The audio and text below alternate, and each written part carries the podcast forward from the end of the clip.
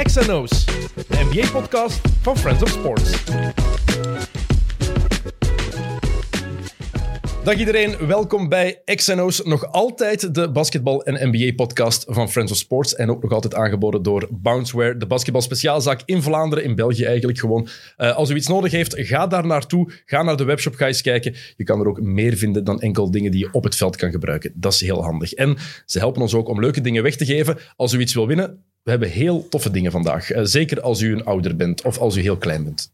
Kan ook wel zijn. Um, we gaan het over de playoffs hebben vandaag, want het is zover. Ze zijn begonnen, tenminste de play-ins zijn begonnen. De playoffs komen eraan. En ik had het voorspeld twee weken geleden. Um, of ik had het aangekondigd. Voorspeld is een slecht woord. Ik had het aangekondigd. Thomas van de Spiegel ging naar hier komen uh, om daarover te praten. Thomas, welkom. Altijd een plezier hier te zijn. Um, de play-ins zijn begonnen. De playoffs zijn begonnen. Ik wou eerst van jou eigenlijk weten, ben je pro of tegen de play-ins? Ik weet dat jij ongelooflijk pro bent. Mm -hmm. Het, het, het, het, heeft, eh, het is een mes dat langs twee kanten snijdt, denk ik. Um, ik vind dat de incentive om nu het heel vroeg heel goed te doen, of in de regular, de, de regular season incentive is een beetje gedevalueerd, vind ik. Terwijl natuurlijk, het maakt het uh, wel boeiender, want we weten allemaal hoe de laatste twee weken NBA er vroeger uitzagen. En, en nu zijn er natuurlijk nog veel meer relevante matchen in de regular season, omdat teams nog kans maken om de play-ins te halen, of omdat ze absoluut niet uh, in de play-ins willen belanden, omdat ze bij die eerste zes willen zijn. Tegelijkertijd, um, ja, 10 op 15 is mij net iets te veel die nog kans maken uh, na toch een heleboel wedstrijden om, om, om kampioen te worden eigenlijk. Uh, dus het is zo wat dubbel, maar tegelijkertijd, ja, de, de wedstrijden uh, bewijzen het tegendeel. Ze zijn beter. Geweest, hè? Ja, je hebt veel betere matchen, in, zoals je zegt, de laatste twee, drie, vier weken zelfs, denk ik. Mm. Vroeger waren die zo verwaarloosbaar voor heel veel teams. Je hebt minder ploegen die tanken nu, vind Mm. ik een voordeel.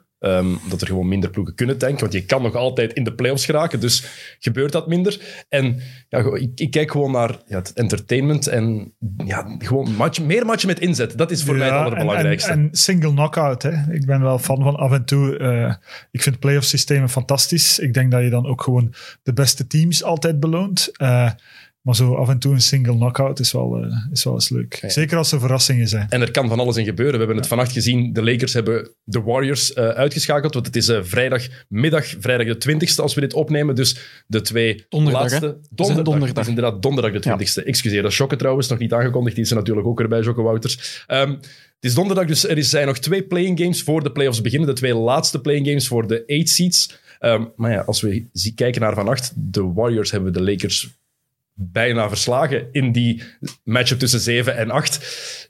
En de Lakers, na die blessures die er geweest zijn, dat is bijvoorbeeld een voorbeeld van een ploeg die een beetje meer reps nodig heeft om daar helemaal in dat ritme te raken die een seven-game series wel hadden kunnen gebruiken.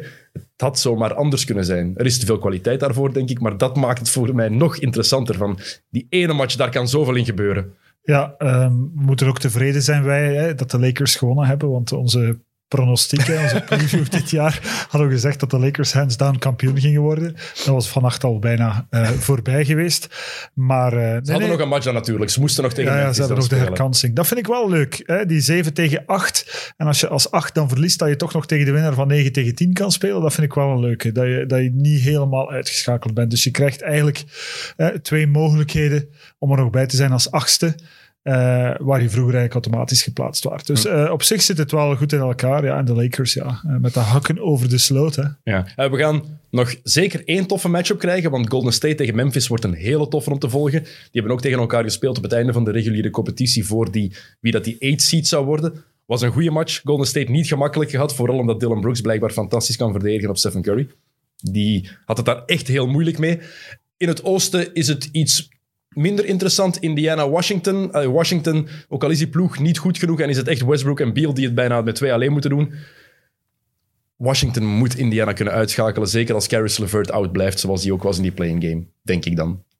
Ja, maar het is zo onvoorspelbaar. Hè. Indiana heeft 144 punten net gemaakt. Die, die hebben wel wat vertrouwen gekregen, denk ik, in die wedstrijd tegen, tegen Charlotte. Dus uh, nee, het kan ook uh, alle kanten uit. Het zou heel jammer zijn, uh, maar dat ligt misschien aan mij, dat Golden, dat Golden State het niet zou halen. Mhm. Mm -hmm. Stephen Curry is dit jaar misschien nog meer dan ooit een van mijn favoriete spelers geworden. Omdat is, hij, is hij beter dan in zijn, zijn um, unaniem MVP-seizoen? Ja, het is gewoon anders. Hè. Het, is een, het is veel minder omringd. Hij heeft het echt op, bijna op zijn eentje gedaan. Laat ons eerlijk zijn, hij heeft het bijna op zijn eentje gedaan dit jaar. Andrew Wiggins was zijn beste offensieve ploegmaat. Ja, 18 punten gemiddeld Wiggins. Hè. Dat is niks eigenlijk. Hè. Als je dan ziet wat, hoeveel keer Stef, Steffens er doorgesleurd heeft. maar ook met, niet met de shotpercentages van eh, begin de 40%, maar echt eh, rond die 50% eh, op zijn tweepunters en, en eh, lage 40 op zijn driepunters. Ja, dat zijn voor de NBA zijn dat fenomenale percentages. Zeker als je in dat soort teams speelt. Hè. Ehm, dus, eh, dus ja, het zou meer dan, eh, meer dan verdiend zijn. En als je topscorer van de NBA wordt met zo'n percentages, dat is, Ja. dat is abnormaal, abnormaal. Die gast. Ik, ehm, ik denk ook wel dat de Warriors het gaan halen. Ehm, in het oosten verwacht ik Washington. Het Westbrook-effect heeft dan toch gewerkt. Ik weet het echt niet. Eh, ik kan- Zonder Caris LeVert, Indiana? Ja, maar pff, Malcolm Brogdon heeft nog een lichte ik- hamstringblessure. ik vind het al een mirakel dat Washington hier staat. Zeker als je weet hoe ze begonnen zijn aan het seizoen. Hè, en dat ze eigenlijk er nog bij zouden kunnen zijn. We hebben ze ook hoger ingeschat in onze preview Ja. dan wat ze eigenlijk geworden zijn. Ook omdat het... De, eh, ja, het, het, het klopte niet zoals dat wij dachten dat het had kunnen kloppen. Die Alhoewel- eerste maanden. Hè. Ja. De eerste maanden was Westbrook echt, net zoals vorig jaar in Houston eigenlijk, was hij echt aan het zoeken. Ja, maar zoekende. dit jaar heeft hij nog meer tijd nodig gehad, ook gewoon om zijn plaats binnen die ploeg te vinden. Je had dan natuurlijk alle COVID-dingen die er gebeurd zijn, want zij hebben er echt heel veel last van gehad. Matchen moeten, moeten uitstellen, eh, onder andere.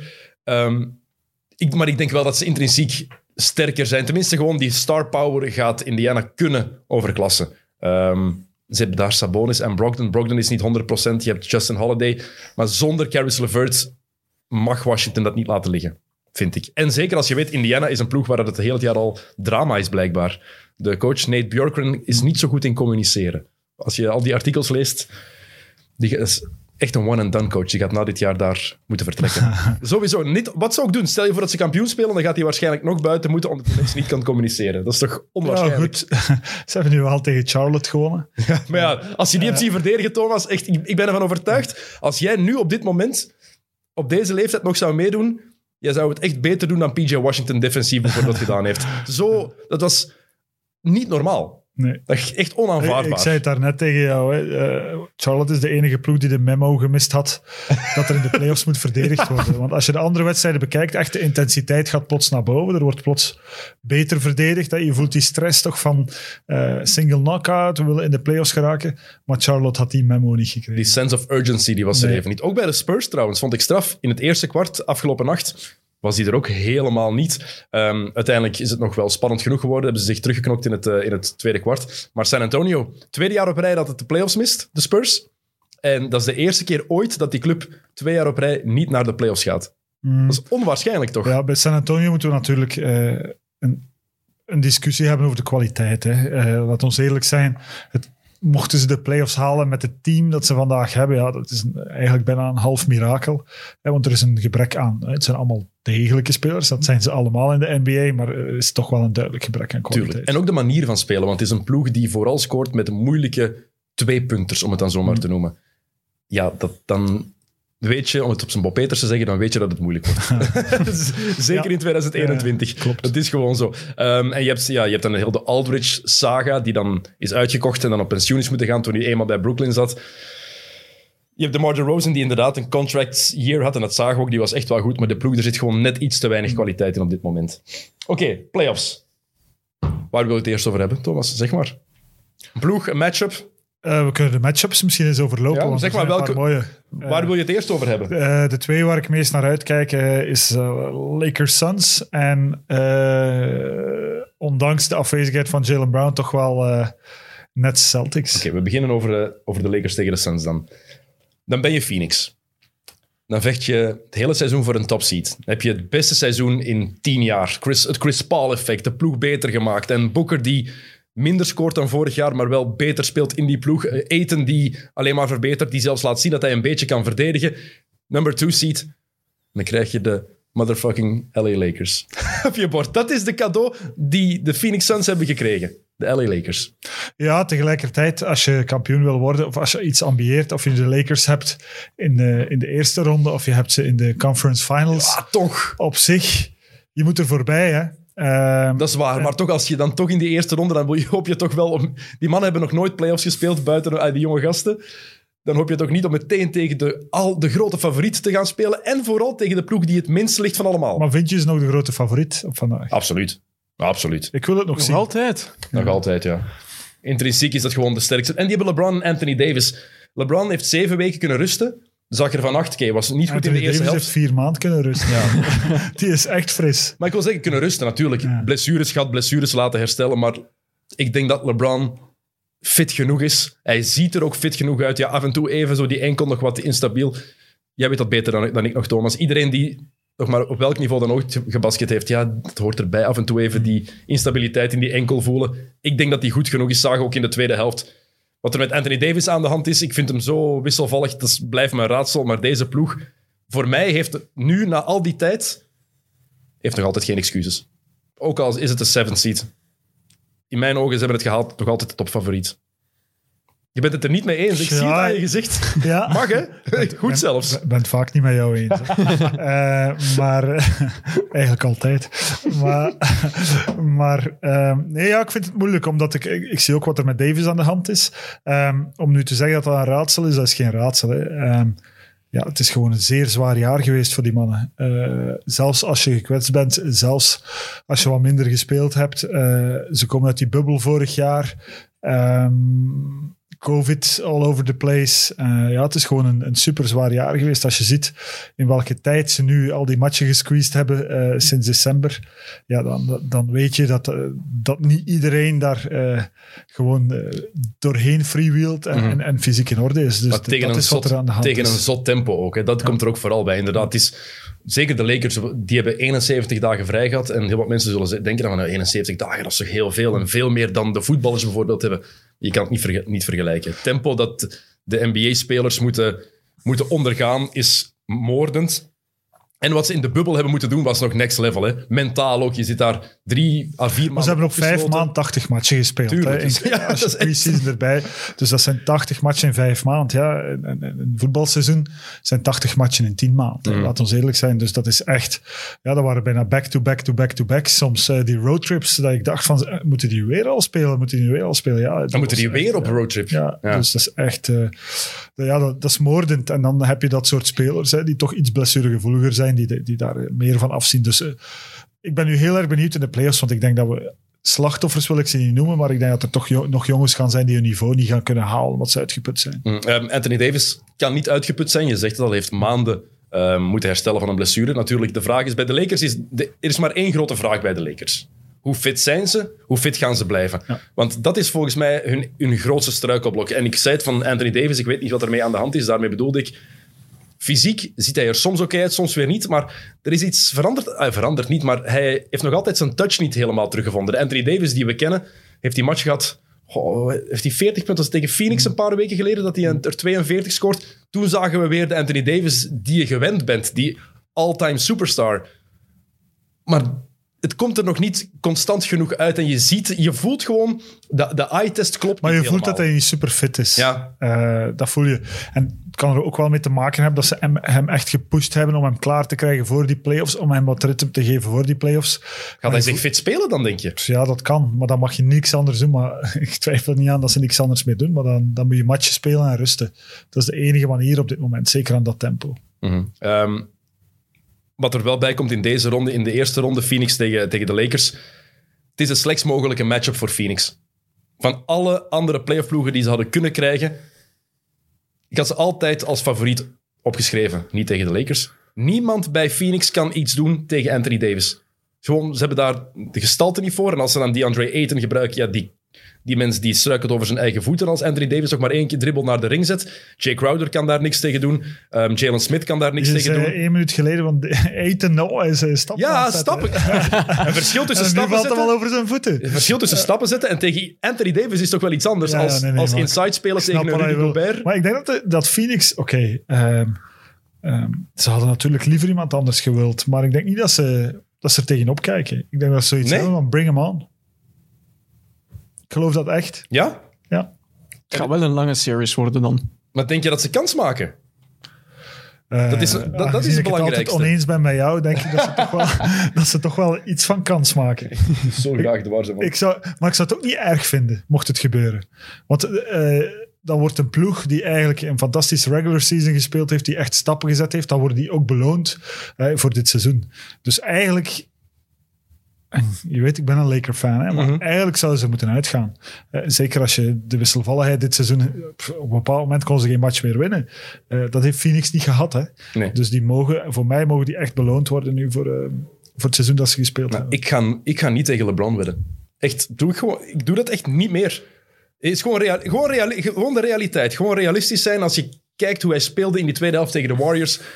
Het is en blijft een beest. En ik denk dat die, ja, die enkel heeft hij stevig omgeslagen, heeft dus een tijd daarvoor genomen. Ik denk dat ze hem bewust wat meer tijd hebben gegeven om helemaal klaar te zijn voor Ik de ben in de verleiding om tegen jou te wedden, maar ik weet niet. Dus, eh, Ehm, de Suns, hun troeven, hele brede kern.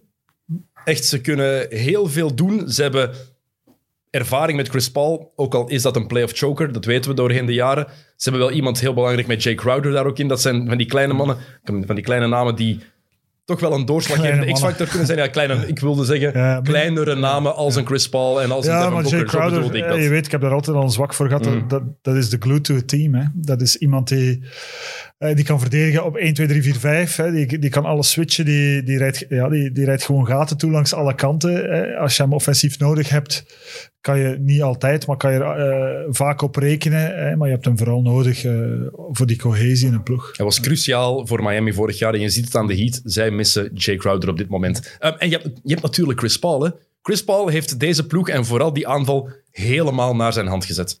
Het is zijn ploeg. Ze spelen zoals Chris Paul wil dat ze spelen. En Monty Williams mijn- heeft het wel heel goed gedaan ook. Laat dat duidelijk zijn. Maar dat was mijn, eh, dat was mijn vraagteken. Eh, heb je trouwens die speech gezien? ja. Ja, die was zo goed. ja, heel goed. Hè? En we love you too, coach.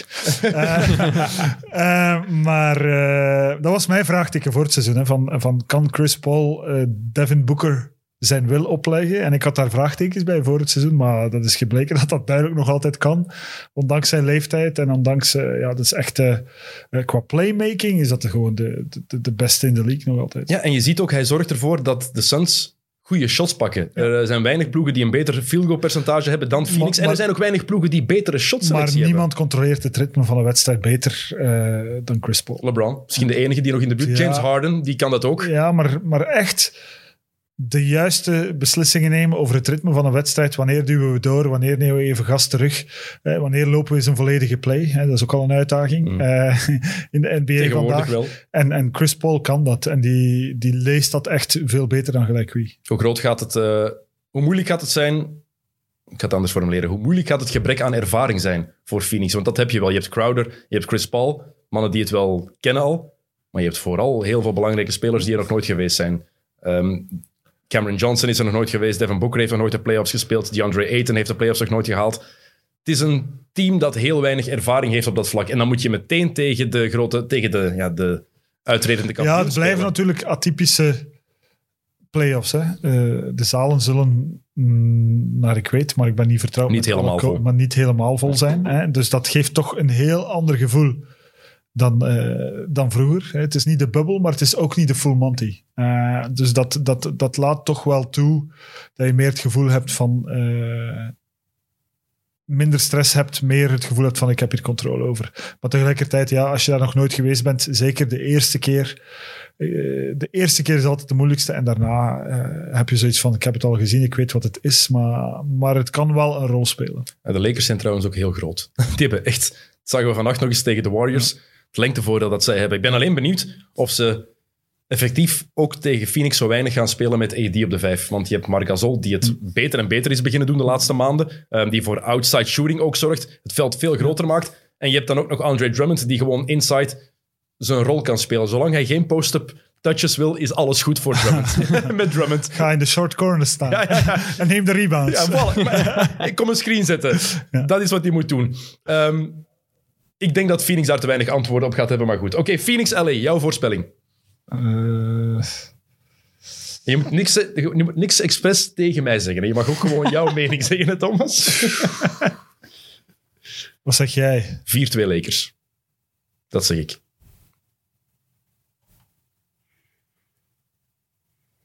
Moeilijk, hè? Dat, het is eigenlijk de meest logische 4-2 Lakers, maar ik zeg 4-2 Phoenix. Dat is mooi. Tegen je eigen ploeg wedden. Maar ja, kom. Eh, het zou toch mooi zijn. Eh, ik ga meteen even doorgaan met de ploegen waar ze tegen uit kunnen komen. Misschien interessanter, zo meteen gaan we het over Boston even hebben, want ja, ze zitten, het is 2 tegen 7. Dus dat is de kant van Denver en Portland, 3 tegen 6.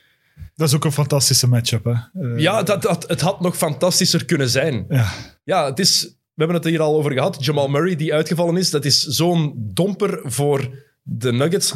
Maar langs de andere kant, wat is het? Sinds 1 april is Denver wel de beste ploeg. En hebben ze 18 keer gewonnen en maar 6 keer verloren. Dat is voor een heel groot deel dankzij Nikola Jokic, die dit jaar meer dan terecht MVP gaat worden. Maar ook Michael Porter Jr., die Ja, veel meer verantwoordelijkheid is beginnen nemen. Ja, klopt.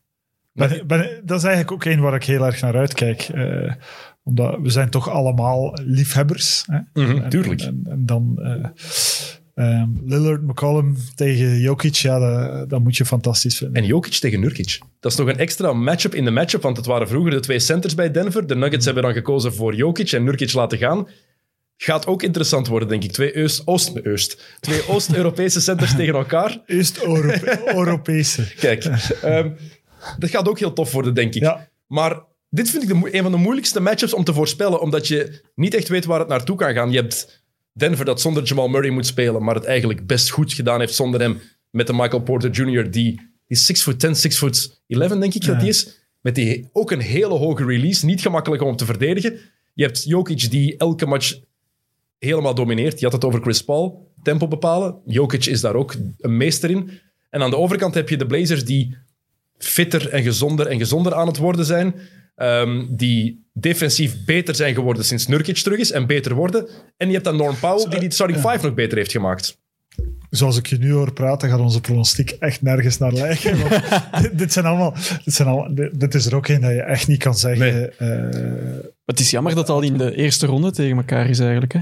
Ja, t- t- er zijn ook gewoon veel leuke, allee, le- veel Ja. leuke teams dit jaar eh, die heel erg bij elkaar in de buurt zitten qua niveau. Maar dit zijn twee ploegen die in mijn ogen allebei geen contender zijn. Nee. Dat, Portland dat gewoon omdat de, de, de kern gewoon niet sterk genoeg is. En Denver, Jamal Omdat ze Murray. Murray niet hebben. Mhm. Anders was Denver absoluut een titelkandidaat voor mij. Favoriet is misschien overdreven, maar kandidaat. Hoeveel favorieten heb je voor de titel? En, ja, er zijn, ik heb er meer dan veel andere mensen, duidelijk. Ik denk dat er veel ploegen kan Nee, het ligt heel erg open dit jaar. Het is lang geleden eigenlijk dat het zo open gelegen heeft. Ja. En dat het zo onvoorspelbaar is. Ehm, volgens mij zien de Nuggets zichzelf nog wel als kandidaat. En niet als underdog. Ook al is Murray er niet bij. Ik denk dat die spelen met zoveel zelfvertrouwen. Mike Malone heeft dat er ook zo goed in gekregen. Jokic is zo goed. Maar is het genoeg? Is, hebben ze genoeg zonder Murray om ver genoeg te gaan? Nee. Hebben ze genoeg om deze ronde te overleven? Ja. Dan gaan ze dat ook doen, dat is de vraag. hè. Gaan ze iets kunnen doen tegen... eh, Stel je voor een ontketende Lillard en McCallum. Ja. Oké. 4-2. 4-2 voor de Nuggets? Ja. Ja, wel, ik denk eigenlijk hetzelfde. Ik denk, ik Ja, maar dat mag niet, hè. Tuurlijk mag het wel. Wat is dat nu voor iets? Ik heb mijn dat voorspelling... Thomas heeft mij voor... Even duidelijk maken, Thomas heeft mijn voorspelling niet gezien. Maar ik heb wel wat dingen opgeschreven. Ik heb ook 4-2 voor de, voor de Nuggets. Ik hoop het ook. Ik wil nog eens Denver tegen LA zien. Ehm, ik ga meteen gewoon doorgaan even in die bracket. Denver-LA. Voorspelling? Ah nee, je hebt Denver-Phoenix. Oh, jij, moet, jij moet zelfs niet Denver zeggen. Phoenix. Wat een coole matchup is dat eigenlijk. Leuker dan Denver LA bijna. Ehm, Ja, Eén van die twee gaat volgens jou naar de conference finals. Hè? ja, nu zit ik vast. Hè. Ehm, ja, dat is moeilijk. Ehm, ja, met Jamal Murray altijd Denver. Eh, als Phoenix voorbij de Lakers raakt, zie ik ze ook voorbij Denver. Vertrouwen in de Ja, playoffs. Ik weet niet waarom. Vertrouwen maar, in Chris Paul in de playoffs. Dat gebeurt niet vaak. Ah, nee, dat is waar. Als we kijken naar zijn ik track record. stilgestaan.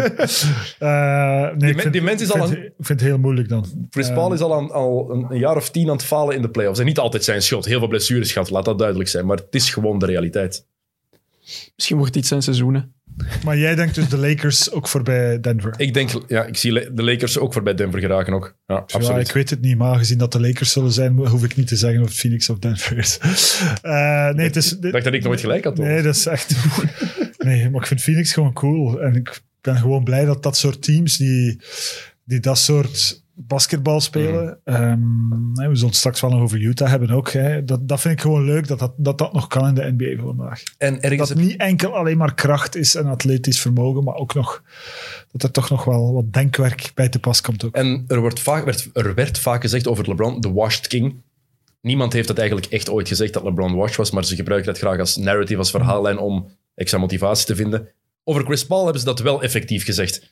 Dat na Houston dat hij versleten was. Hij heeft dan dat jaar gehad bij OKC. Ik vind dat fantastisch, die gast. Hij is nu 36 jaar, 37 jaar. Ik weet niet precies van uh, welk jaar dat hij is. Is Ik zal het Chris eens opzoeken. Zoek eens op, Sjokke. Ehm, maar die, eh, die vindt zichzelf opnieuw uit. Hij blijft fysiek in orde. 36. 36 jaar, kijk. En zet een ploeg weer naar zijn hand. Ik gun hem dat ergens wel. En Monty Williams. Ja, De gunfactor is bij die gast zo groot.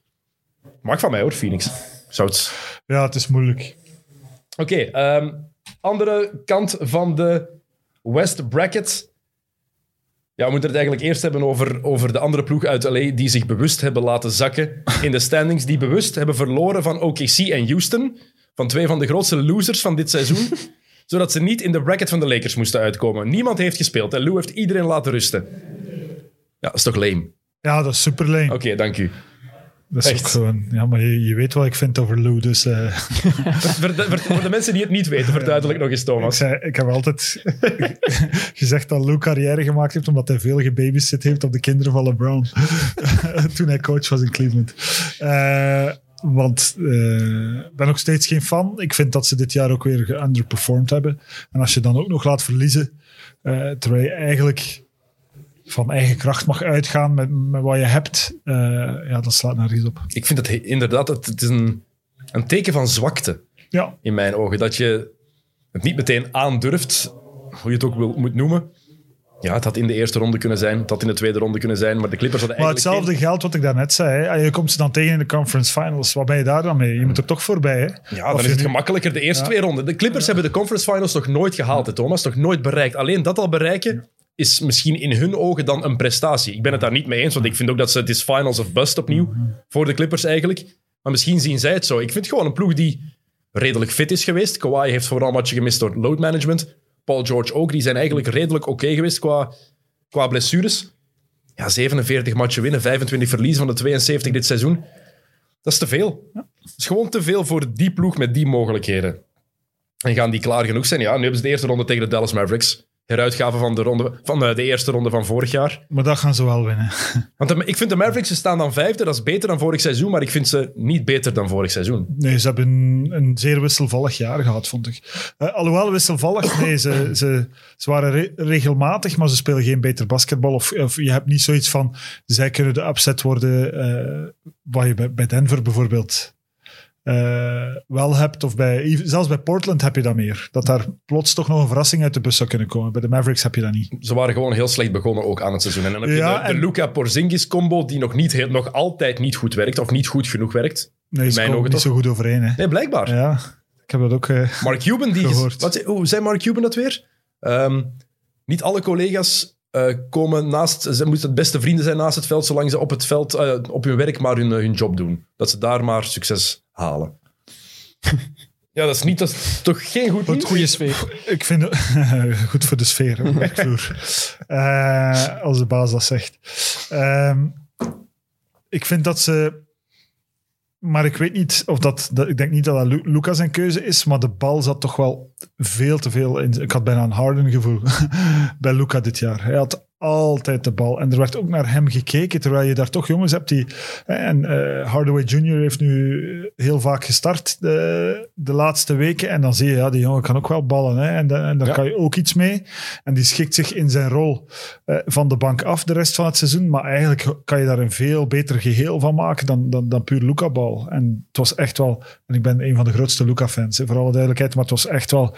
Het was echt... eh, Luca, geef Luca de bal en hij zal er wel iets nuttigs mee doen. En dat werd een beetje frustrerend, hè, want ik heb ook een ongelooflijk zwak voor Luca, maar dan zag ik hem kijken en wij zijn denk ik allebei al vocaal genoeg geweest over het spel van de Houston Rockets toen Harden daar nog zat, dat we allebei daar echt niet graag naar keken. En ik heb mezelf erop betrapt dit jaar dat ik naar de Mavericks aan het kijken was en dat ik dan besefte van, dat is geen goede basket. Dit is eigenlijk niet wat ik wil zien van die, van die ploeg. En dat is Nee. heel ontmoedigend ergens, omdat je zo'n zwakheid voor één bewuste speler en dan speelt hij ergens gewoon ja, Ja, ze worden er wel vijfde. Ja, verrassend genoeg worden ze daar dan wel vijfde mee in het Westen. Ja. Wat dat wel een prestatie is. dat is waar. Maar, eh, maar er zit nog meer in, eh, in dat team. Luca alleen gaat het ook niet kunnen doen. Gaat het ook geen vier keer in zeven matchen kunnen doen. Hij kan het één keer doen, kan het twee keer doen, misschien drie. Ja, Eén keer op eh, een voet die hij omgeslaan heeft, maar geen twee keer. Ja.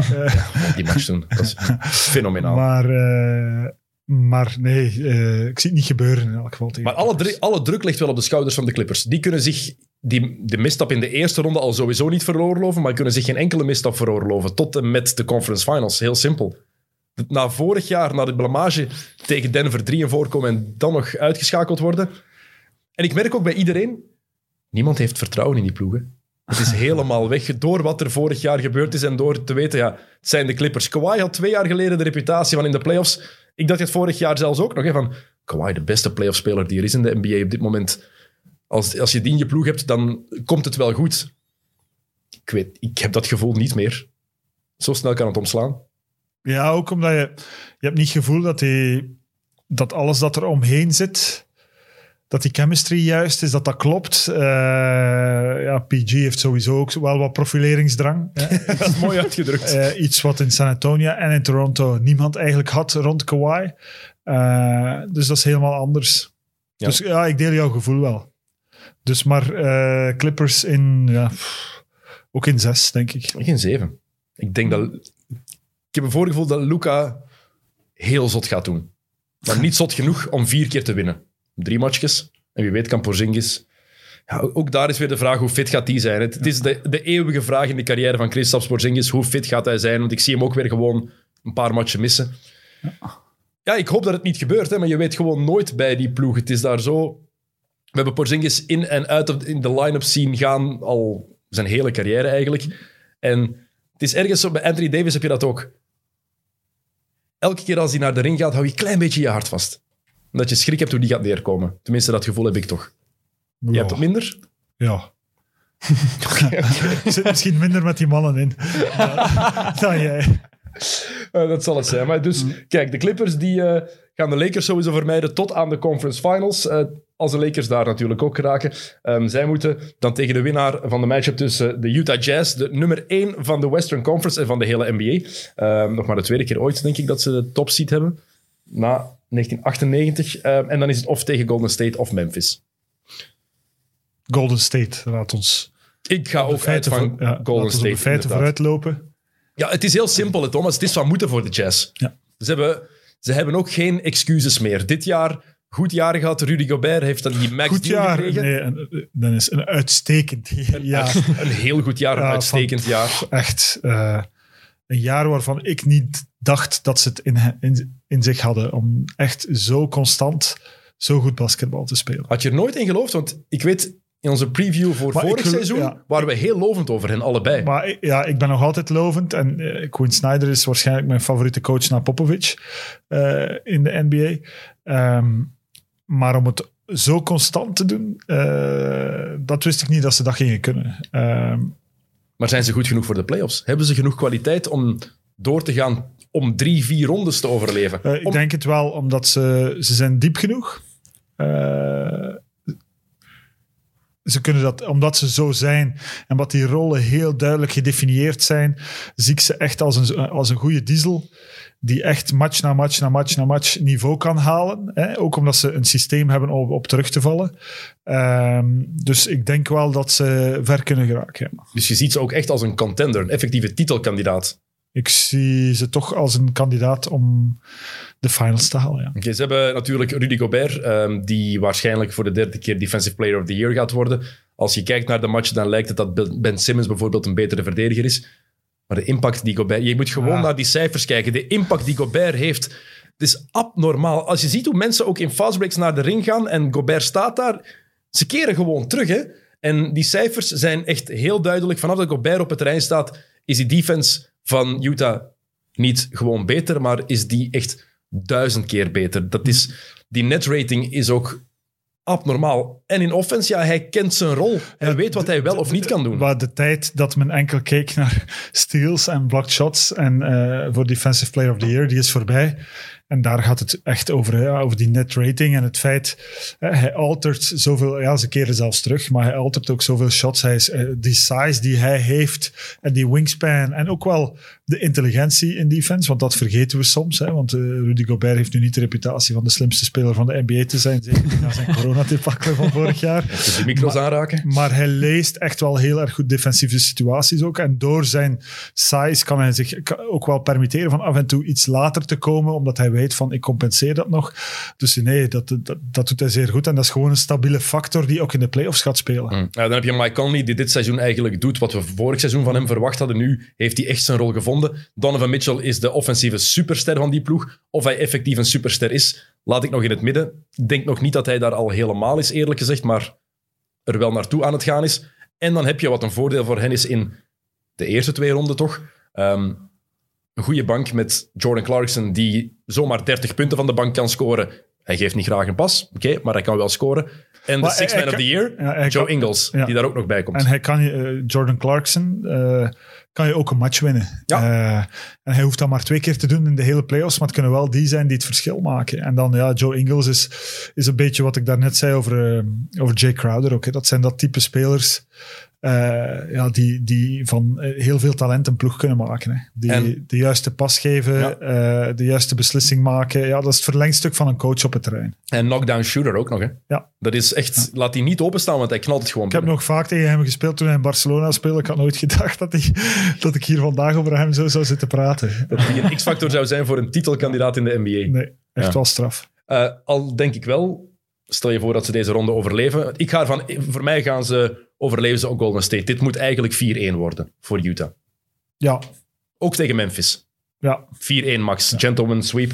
Ehm, stel je voor dat ze de Clippers... Heet dat zo? Een gentleman Ja, sweep? een gentleman sweep. Mooi. Mooi, hè? Ja. Eh, als ze dan de tweede ronde zouden overleven tegen de Clippers, daar ga ik, ga- gaan we vanuit dat ze allebei doorgaan. Dit is opnieuw een ploeg die niet gemaakt is om van de Lakers te winnen.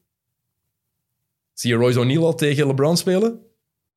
ja, maar dat gaat wel gebeuren Ik dan. vond al dat we Royce O'Neal vergeten waren, maar... Eh, maar Joe Ingles gaat moeten verdedigen op Anthony Davis dan bijvoorbeeld. Ja, dat, dat, zijn problemen hoor. Ja. En ik denk niet dat ze daar omheen kunnen. De playoffs, het gaat... Je kan zo goed zijn in het reguliere seizoen. Wat maakt de playoffs zo interessant? Het gaat allemaal om matchups. Hè? Wat, daarom dat de Clippers de Lakers hebben proberen te vermijden in het begin. het gaat geen om gemakkelijke matchups, matchup. behalve als je...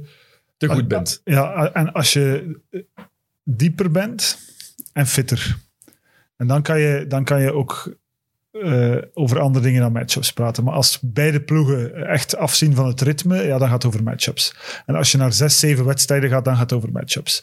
Dus eh, Utah, de enige kans die zij hebben, is echt dat ze, dat ze gewoon match na match na match eh, kunnen winnen. Dat ze 4-1 doen in de eerste ronde. Dat ze de Clippers eh 4-1 of 4-2 aan hun broek geven. eh, en dan maken ze een kans. Als ze, als ze ook lange series gaan moeten spelen eh, en ook exhausted gaan worden, dan, ja, dan wordt het een hele moeilijke. Ik ben ook heel benieuwd hoe die defense zich gaat vertalen in de playoffs. Want het is altijd nog iets anders. En Utah is een goede defensieve ploeg.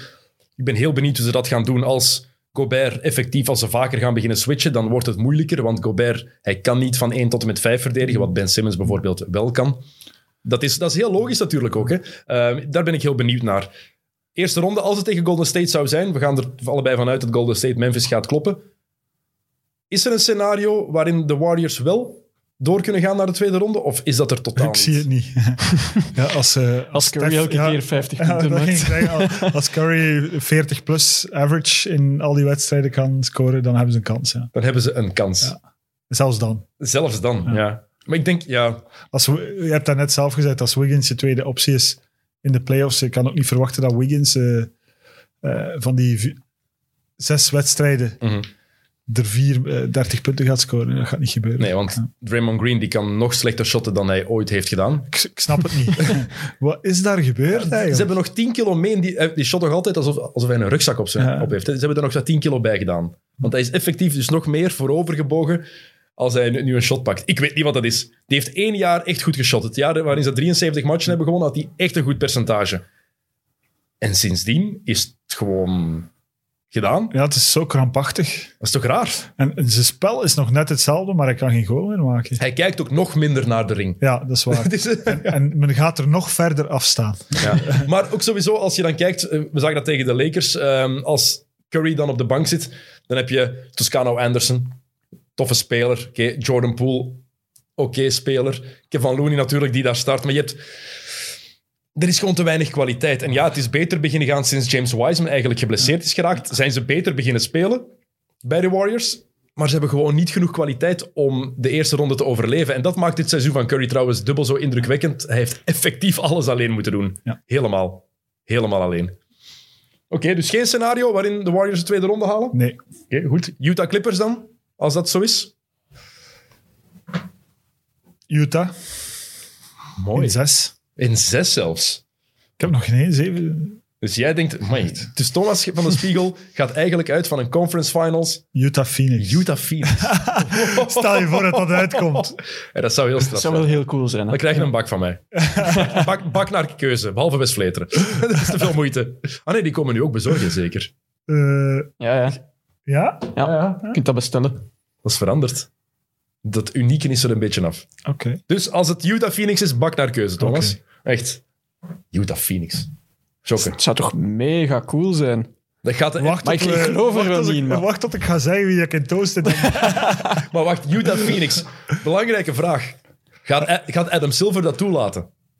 Twee small markets. Ja. Gaat hij effectief niet één van de twee LA-ploegen in de conference finals willen zien? Maar, eh, Laat ons toch nog geloven in, in de ethiek van Adam Silver. Als er één iemand is eh, die Ja, we toch eh, een ethisch verantwoord ehm, leider in de sport mogen noemen, of dat toch mogen verwachten, is het Adam Silver. Maar goed, ik ben hier... Het gaat nog altijd om geld, hè, Thomas? Ik, ik ben meer met eh, emotioneel dan rationeel aan het, eh, aan het pronosticeren. Hè. Eh, maar het zou wel cool zijn. het, zou wel, het zou heel straf zijn. Het Maar voor zou, ook, hetzelfde, voor hetzelfde geld is het LA LA en zijn we allemaal ook blij. Hè? het zou ook wel verdiend zijn en nog eens ergens aantonen. Kijk, het reguliere seizoen heeft toch wel meer waarde dan heel wat mensen denken. Want stel je voor dat de Lakers het gewoon met de vingers in de neus halen. Dan gaan heel veel mensen zich nog meer de vraag stellen. Ah, ja, tegelijkertijd zo kampioen worden van op de zevende plaats Nog nooit gebeurd. heeft ook wel iets. Dus ehm, De lowest seed die ooit de titel heeft gepakt waren de Houston Rockets in 95. Dat, waren, eh, dat was de sixth seed toen, nummer 6. wij in Italië ooit met Bologna van de zevende plaats bijna de titel gewonnen. En het Bijna. Zelf, en het zelf laten liggen. Ja, Oeh, je hebt het zelf laten liggen. ja wat kunnen winnen. een beetje meer uitleg graag, Thomas. Nee, nee, ja, we werden zevende. Eh, we konden geen match op verplaatsing winnen dat jaar. Thuis wonnen we alles. En toen schakelde nummer twee onmiddellijk uit. En toen ehm, wonnen we tegen Rome. Dat was de nummer drie in de halve finales. En allemaal in het maximum aantal wedstrijden. Eh, best of three, best of five. En dan eh, begon iedereen zo naar ons te kijken van wat is dat hier? En dan hadden we Treviso in de finale nog met Thijs, Edney en... En toen verloren we 3-1, denk ik. Maar hadden we eigenlijk op 2-0 voorsprong kunnen komen. eh, in Treviso. En laten we het daar liggen. En dan daarna was de kous af. Op wie zijn schuld was het? Niet de mijne. Op dat antwoord was ik eigenlijk aan het wachten. Oké, ehm, Eastern Conference. Brooklyn Nets tegen de Boston Celtics. Ja, De jammer. van- Kyrie, de, Ja. de Kyrie, iedereen houdt, iedereen bij Boston vindt mij nog tof en geeft mij een handje matchup, behalve als wij de match verliezen, want dan ga ik meteen naar binnen en geef ik geen handjes. Ehm, maar de, de, de matchup is eigenlijk al een stuk onthoofd omdat Jalen Brown er niet bij is. Ja. Anders keek ik er echt naar uit. Want Boston heeft zo een raar seizoen gespeeld. Zeg maar slecht. Nee, eh, je moet zelfs, nee, je moet zelfs slecht zeggen. Ja. Ik heb veel matchen van de Celtics gezien.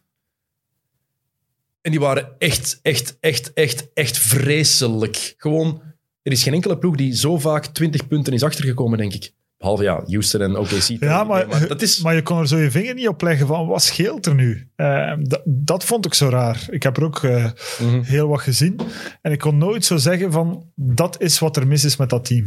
Kemba Eh, Walker was niet goed genoeg. Was niet fit genoeg. Ja. Kemba Walker is... Hij, was in de laatste... Zo- In, de- in de playing game was hij Kemba Walker. Ja, een, gebrek aan scorend vermogen sowieso. Eh, als Tatum er geen 30 maakte, dan waren ze kansloos in de meeste matchen. en Tatum en Brown zijn twee mannen die inderdaad... Die kunnen allebei 30, 40 punten scoren zelfs. Maar, maar het zijn, daarna was er niemand. maar het zijn ook geen spelers die een ploegmaat echt beter maken. nee, Allebei niet. nee, en dat is een stukje persoonlijkheid. Brown dan nog meer dan Tatum, denk ik. Omdat Eh, hij ook altijd meer zo ingesteld is geweest. Ja, en omdat hij ook gewoon ehm, ja, zijn, eh, zijn manier van, eh, van scoren en van goed zijn in een wedstrijd. is veel diverser dan die van Tatum. Mhm. Tatum is pure scorer. Eh, laat me doen, geef me mijn shots, eh, geef me de bal en ik zorg wel dat ik score. Maar het is niet zo dat hij zijn eh aanvallende rebound zal nemen eh, die, die iedereen meetrekt. Of de- dat gevoel heb ik nooit gehad bij hem. Het is eigenlijk iets, eh, je hebt het gevoel dat je naar een heel verlegen speler zit te kijken. eh, met heel veel talent. En dan mis je wel wat. En dat is misschien wel wat er mist bij de, met de Celtics. Dus ja, het is... ja, Marcus het is, Smart. Het is, het is een non-matchup. En toch kijk je daar naar uit, omdat ja, het zijn gewoon twee big brands en, en, en toch wel heel veel namen die, die op het terrein gaan staan. Marcus Smart was minder goed dit jaar. Was, je, je merkte dat. Was, ook defensief was die iets minder, minder goed. Ook Moet hij- het kapsel zijn. Hoe slecht is dat kapsel? Ja, Ja, ja, dat, kun, dat kan je over veel mensen zeggen in de NBA, hoor. over James Harden kan je dat nu ook zeggen. Ehm, ze hebben ook problemen gehad onder de borden. Tristan Thompson, die ehm, past niet helemaal in die ploeg. Die, die klik is er niet helemaal geweest. Nog niet zoals ze verwachten. Ja, ze zijn ook ik. te klein, maar dat hebben we voor het seizoen Ze ook hebben gezegd. Taco hè. Fall. Ja, goed. Ja. Uh, Bill Simmons die komt altijd met het voorstel. Taco is een de grootste Celtics van onder alle mediamensen die er is. Die komt altijd met het voorstel om eh, Taco Fall drie minuten per kwart even te laten spelen. Omdat de meeste ploegen in zijn ogen compleet ontregeld zijn als die even op het terrein komt. Dat, dat ze niet weten wat ze moeten doen. En waarom? Ja, dat is de vraag. Waar- Waarom zijn ploegen ontregeld? Omdat ze niet weten wat ze moeten doen tegen een gast van 2 meter... Wat, 7 foot 5 is die zeker? 2 Ja, meter 25? maar goed. Eh, ze zijn te klein, hè? want eh, als je center Daniel Thijs is, die ja, we hopen al 2 en 5, 2 en 6 is. Ja, Thijs is nu weg, hè? Ja, ah, dat is juist. Die ja, is naar Chicago, hè? Die is in Detroit. eh. Ja, ja. En Ze hebben nu Fournier. En Dus sindsdien, ja, is, en sindsdien is Chicago ook nog meer bergaf Ja. gegaan. Fournier, ja, maar die heeft ook nog niks kunnen laten zien, omdat hij corona heeft gehad. En dan was het... Is, Ja, die is ook nog zoekende, want eh, die is ook nog zoekende naar zijn plek in dat team, omdat eh, hij heeft ook wel graag de bal. ja, dat is dat. Als je naast Tatum moet gaan staan, eh, is dat niet evident. Ehm, nee, moeilijk. Het is eigenlijk een non-matchup. hè. We moeten ervan uitgaan dat ze slagen gaan krijgen, maar goed. Ja, want ik heb het bewust even gewacht met het over Brooklyn te hebben. Ik dacht, we gaan eerst even de Celtics eh, behandelen. Ehm, We gaan ze even fileren. ja, Tatum trouwens, 50 punten tegen de Wizards. Ja. Eh, Tatum, kan toch niet anders dan dat hij ooit MVP wordt of MVP-kandidaat wordt? Ja, hij is nog altijd jong. Hè. Soms hij heeft zo'n talent. Ehm, maar daarvoor zal hij de impact moeten hebben waar, die hem ontbreekt, waar ik het daarnet over had. Hè. Je moet het gevoel hebben, of je moet het gevoel geven van ik ben goed, maar ik maak mijn team ook goed. Hij is En- 23 jaar. En, en dat hebben we tot op vandaag nog nooit gehad. Hij is maar 23. Jason. Is hij al 23? Al. ja, maar tegenwoordig zeg je dat wel. hè.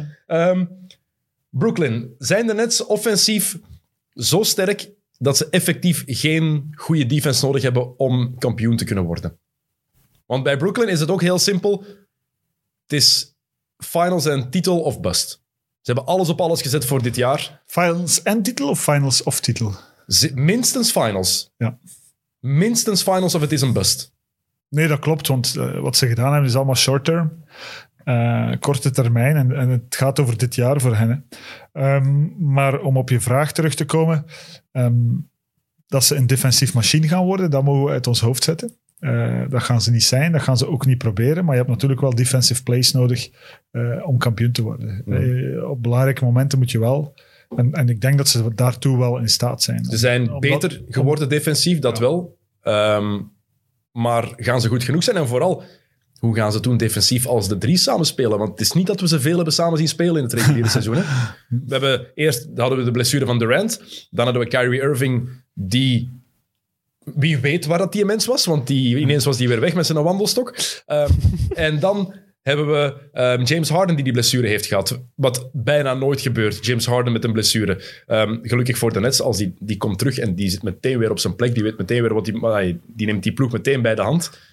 Maar hoe gaat dat zijn met die drie samen? Defensief, maar ook offensief, denk ik. Heb je dat niet een klein beetje nodig, die reps? Een ploeg die elkaar ja, eigenlijk niet kent, niet goed genoeg kent? Ja, tegelijkertijd. Die mannen hebben, hebben ervaring. eh, dat gaat heel snel. En zeker in, in het systeem dat zij spelen. Dat eigenlijk een zeer eenvoudig systeem is. Dat niet, dat, het is niet Utah. Hè. Het, is niet, dat daar een, een, volledig offensief systeem staat. Eh, het is vooral gebaseerd op individu- individuele acties en dan heb je dat minder nodig. Eh, zeker omdat ze ook nog een opwarmertje hebben normaal gezien met de Celtics. En eh, zie ik ze wel een eindje komen. Wat het voordeel is voor deze ploeg, iedereen, we zeggen heel, tegenwoordig zeggen we heel snel, beste ooit. We zijn heel snel om, die, die, om iets zo te bestempelen. Als je dit bekijkt, ik denk niet dat er drie mannen in één ploeg hebben gezeten die zo hun eigen shot kunnen creëren. Want je, hebt, je had de Warriors destijds, wat ook een offensieve machine was. Ehm, je had de Miami Heat daarvoor, ook indrukwekkend met Bosch, met Wade, met LeBron. Maar Bosch bijvoorbeeld was iemand die niet zijn eigen shot zou gaan creëren. Clay Thompson, derde optie bij de Warriors, die kwam over die screens, pakte dat shot. Ook hij moest nooit echt zelf zijn shot creëren. Deze drie doen dat in hun slaap. In hun slaap scoren zij 35 punten waarin ze alles zelf creëren. Ja, En dat is een van hun grootste troeven, denk ik. Eh, dat is een troef en tegelijkertijd moet iemand zich af en toe kunnen wegcijferen. En eh, het gebeurt niet vaak, maar ik ga een complimentje geven aan James Harden. Maar Oh. ik, ik verschiet er wel van hoe, zij, hoe hij zich toch gaat... En ik denk ook tijdens deze playoffs dat hij wel gaat doen wat het team nodig heeft. Hij is echt de point guard geworden. Ja, als hij playmaking, echt playmaking moet doen, dat hij dat kan en ook gaat doen. Ehm, is dit eigenlijk niet En dat is ontgoochelend eh, als je kijkt naar Kyrie natuurlijk. Want eigenlijk is dat de rol die Kyrie zou moeten hebben. Kyrie heeft zelf beslist, hij heeft dat toch bekend, heeft dat toch toen gecommuniceerd, dat hij heeft gezegd dat James Harden de, de point guard werd. Hè? Dus Kyrie met, met bewuste shooting guard, waardoor hij gewoon ja, meer naar de goal kan gooien. Ja, voilà. het is nu niet zo dat hij zei van ik geef hier nu de sleutels af hè, en eh, vanaf nu is eh, het team van James Harden. Dat is niet wat hij gezegd heeft. Hè. Eh, Steve Nash is de headcoach, rookie headcoach, eerste keer ooit in de playoffs. Maar is dit eigenlijk geen Mike D'Antoni ploeg? Met James Harden als de spelverdeler, maar dan gewoon met veel meer kwaliteit daar nog rond. En in plaats van een PJ Tucker en een Eric Gordon, heeft hij daar dan Kevin Durant, Kyrie Irving en Joe Harris, ook een kanon. Ehm, heeft hij die rond zich staan? Is het eigenlijk niet gewoon een Mike D'Antoni ploeg? Ja, er is niks fout mee, denk ik. Hè. Ik denk ook als, eh, als rookie coach dat dat je vrij staat om wat te doen. Ik vind dat Nash het niet slecht gedaan heeft dit jaar, want toch wel wat issues gehad. Hè. Eh, ik denk heel veel people management eh, met, met die line-up, waar je toch wel wat werk aan hebt en wat ook heel belangrijk is. Maar dat heb jij ook volgens mij gezegd in de preview van dit seizoen, van wat Nash zijn grootste kwaliteit was als speler. People manager, ja, een van zijn grootste kwaliteiten, dat hij dat meteen ging door kunnen trekken als coach. Ja, en, en, en dat gaan we nu ook zien in de playoffs. Want eigenlijk, eh, tactisch kan je niet heel veel meer doen. Hè. Je kan wel wat bijsturen. Conditioneel kan je niks doen, behalve eh, van match naar match. Eh, dus nu komt het er vooral op aan om iedereen de pas nog te laten lopen. Dus Ook als het minder gaat. ja. Wat, Ehm, niet, wat niet in ronde 1 zal zijn. nee, maar ook een vraag voor deze ploeg. De vraag die we ook bij de Lakers gesteld hebben. Gaat deze ploeg fit kunnen blijven? We hebben zoveel blessures gehad het hele Ja, je door. kan, je kan dat eigenlijk over niemand zeggen. hè. Het kan bij iedereen. Hè. We hebben, Murray is, eh, is gekwetst bij Denver. Het kan iedereen overkomen. Ehm, maar deze ploeg zou, laat ons zeggen, hè, mocht iemand één of twee weken onbeschikbaar zijn, deze ploeg zou dat kunnen overleven. Eh, wat ook, In tegenstelling tot veel anderen. maar wat ook opvallend is, is wel... Blake Griffin is belangrijk geworden voor deze netsen. Maar effectief belangrijk. Die Schande, Dennis. Maar die speelt soms 30, die speelt 30 minuten per match. Ja. Ik, nee, ik, schande. Ik had het één niet zien aankomen Nee, nee, dat hij zo'n rol ging krijgen vooral. Ik, ik doelde op het feit eh, dat ze die heel goedkoop hebben. Ah, ja, ja, gratis. Maar ik had ook niet verwacht dat hij effectief zo'n grote rol zou spelen. En ook daar stel ik me dan de vraag, gaat hij dat fysiek kunnen volhouden? We kennen ook het blessureverleden van Blake Griffin. Ja, maar het is toch een heel... Er, er rust zeer weinig gewicht op zijn schouders. Hè? Dus dat is een heel andere rol dan wanneer je de go-to guy wordt verondersteld van te zijn, waar, waarbij je elke aanval eh, die bal krijgt, waar, waar echt naar je gekeken wordt. Eh, die fysieke impact daarvan is veel groter dan, dan, dan de rol die hij vandaag heeft. Zie jij de Nets als de te kloppen ploeg en vooral de grote favoriet in het oosten? Ja, Ja? Ondanks dat die defense eigenlijk quasi onbestaand is. Dat is maar ik vind, dat we, daar, ja, ik vind dat we daar gewoon ja moeten op antwoorden. Als je naar, als je naar die ploeg kijkt. Op papier bedoel je vooral dan? Ja. Ja, maar ja, oké. oké. Dus jij vindt ook dat ze geen... Ze hebben ge- geen enkel excuus als ze de finals niet halen? Totaal niet. Oké, eh, Maar Brooklyn... dat vind ik over Philadelphia ook. Maar dat is voor straks. Daar gaan we het, gaan we het hierna... Ah, wel. Nee, dat is pas voor zometeen. Ik wil, ik wil het in de bracket houden. dat is overzichtelijker. Ehm, als Jalen Brown 50 punten per match scoort, in elke match kunnen ze de net verslaan, of niet? Eh, Jason Tatum bedoel ik trouwens. Als Jason Tatum elke match 50 punten scoort, kunnen ze de, de Nets dan verslaan? Die drie mannen hebben Ja, die elke match dat- 50 dat- punten kunnen scoren. Ja, dan moet hij vier keer 50 punten scoren. Dat gaat niet gebeuren. Ik denk niet dat ze een kans maken. Ik denk het ook niet. Ehm 4-0. Eén. Gentleman sweep, oké, mooi. Ehm, de bracket, of de andere matchup in hun bracket, is Milwaukee tegen Miami. Nummer 3 tegen nummer 6. De rematch van de tweede ronde vorig jaar. De Heat, de Bucks toen een hele harde, zware kater bezorgd. Dit jaar is anders. En voor Milwaukee moet dit jaar ook anders zijn. Want als we het hebben over geen excuses hebben, eigenlijk hebben de Bucks ook geen excuses meer. Mike Boerenholzer heeft geen, geen, kan, zich niks meer voor, kan zich geen fout meer veroorloven, hoor. Zeker in de eerste ronde tegen Miami. Nee, dat klopt. Maar dat is geen evidentie. nee, ja, maar ik denk niet dat ze daar heel veel risico lopen. Zal moeilijk zijn, maar dat gaan ze wel halen. Ja? Eh, ja, ik vind ook Miami, eh, als we zeggen Boston, ik zei een raar seizoen, eh, jij zei een slecht seizoen. Ja, Mi- Miami heeft ook niet zijn. Ze hebben zich wel wat herpakt op een bepaald moment, want ze begonnen veel slechter, maar ze zijn zo afhankelijk nog altijd van, van Butler. ehm, dat heel moeilijk in te schatten is. En ik denk dat ze heel onregelmatig gaan zijn, ook in deze eerste ronde. Maar dat is... Je hebt heel duidelijk dit seizoen gehad zonder Butler en met Butler. En daarom dat Jimmy Butler All-NBA second of third team moet zijn dit jaar. Omdat hij zo cruciaal is geweest voor die ploeg. Want echt, ja, zonder hem was Miami niks. En hij heeft zo'n pink impact op dat team. En ik zie niet in waarom Miami in de eerste ronde Milwaukee niet zou kunnen kloppen.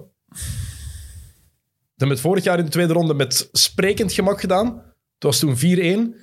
Ehm, die ene match die ze gewonnen hebben was zonder Janis. Toen Middleton daar helemaal, helemaal, los, eh, helemaal losgeet. Maar Miami heeft wel nog altijd die kwaliteit. Het is toch altijd een goede ploeg. Tyler Hero speelt geen goed seizoen. Duncan Robinson speelt ook een raar seizoen.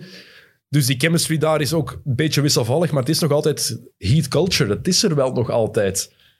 En ik denk dat het wel een ploeg is die die knop kan omdraaien. ben je nu eigenlijk aan het opbouwen Nee, probeer om te gaan zeggen dat dat de upset van de eerste ronde gaat zijn? Oh nee, ik, mijn, Ah, mijn voorspelling... Ik heb, ik heb Milwaukee door naar de tweede Ah, ronde. Maar ik probeer het gewoon van alle kanten te bekijken. En ik denk dat Miami wel genoeg kwaliteiten heeft. Dat is ontgoochelend. Ik dacht nu echt dat je aan het opbouwen was om te zeggen Miami gaat Milwaukee Thomas, ont, ontgoocheland is mijn middle name.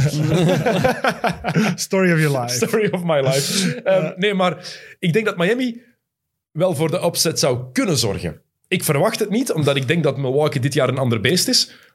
Maar het zou wel zomaar, zomaar ineens kunnen. Ik heb al eh, Phoenix, Utah in het, in het westen, dus ik kan me echt geen upsets meer veroorloven. Maar eh, nee, ik, ik- ik denk dat er heel veel inten- intensiteit gaat zijn. Hè, dat leuke wedstrijden gaan zijn om naar te kijken, maar ik zie niet in hoe, dat ze, dat, eh, hoe ze dat zouden kunnen doen. Door, door stil te leggen. Denk je dat? Ja, het is wel anders dit jaar. Hè. Je hebt Drew Holiday daarbij gekregen. Vorig jaar was het heel vaak Janis die zelf ook moest creëren. We zagen dat heel vaak. Ehm Janis die de bal opdribbelde, maar Janis die ook zelfs in de half, halfcourt dat hij moest gaan creëren. Nu heb je met Holiday iemand die dat zelf ook heel goed kan. Maar die echt eh, ja, die ruimte maakt gewoon. Hè. Vorig jaar gingen ze echt in de paint gaan zitten.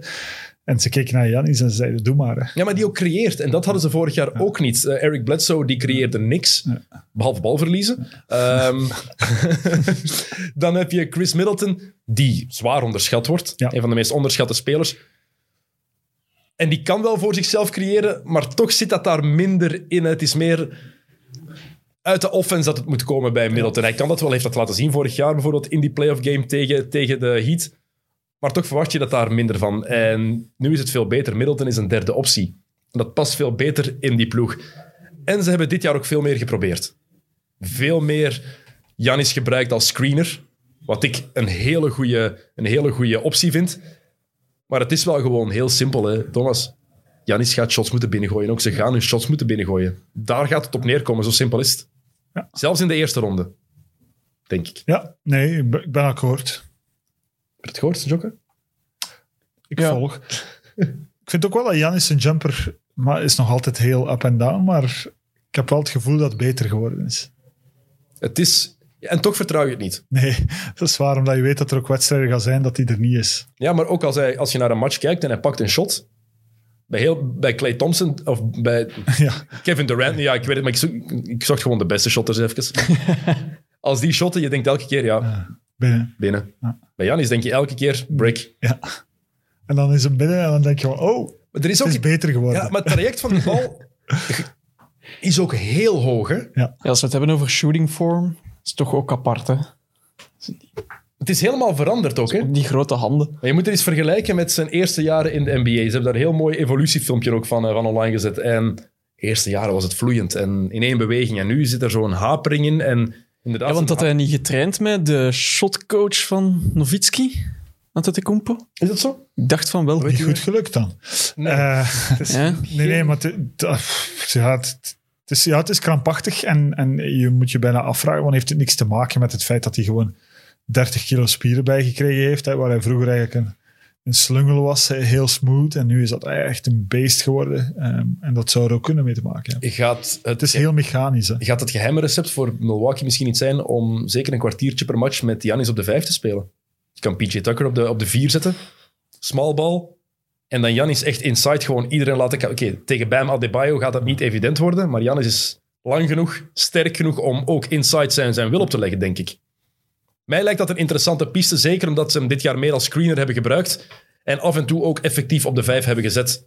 Ik denk dat dat wel eens een geheim recept zou tenminste een recept zou kunnen zijn dat werkt voor die ploeg. Misschien moet je nog eens bellen. Nee, daar. It's Dennis here from XNO's, hè? I have a suggestion. I think it might win you the championship. Hey. En dan, een, en dan een ring krijgen. Kijk, dat zou wel tof zijn. Ehm, Miami ehm, mist Jay Crowder heel hard, hebben we daarnet al gezegd. Ehm, en wat ook is opgevallen, Iguodala en Ariza kunnen die rol niet overnemen, zelfs niet met twee samen. Ehm, maar vooral defensief is het geen goede ploeg. 24ste in de NBA in defense. Dat is gewoon niet goed genoeg. Ehm, en dan de Bucks. Wat doen zij goed? Lopen. Zijn fantastisch in de fast break. Maar het zorgt ervoor, wat mijn grootste angst nog is voor de Bucks, die halfcourt offense. Gaan ze het dit jaar wel kunnen doen en gaan ze er voor een keer voor kunnen zorgen dat ze niet zo voorspelbaar zijn? Want dat was het ding, denk ik, dat wij allebei hadden bij de Bucks vorig jaar en het jaar daarvoor. Je wist wat er ging komen. Je wist wat ze gingen doen. Hoe kunnen ze dat minder voorspelbaar maken, vraag ik me af.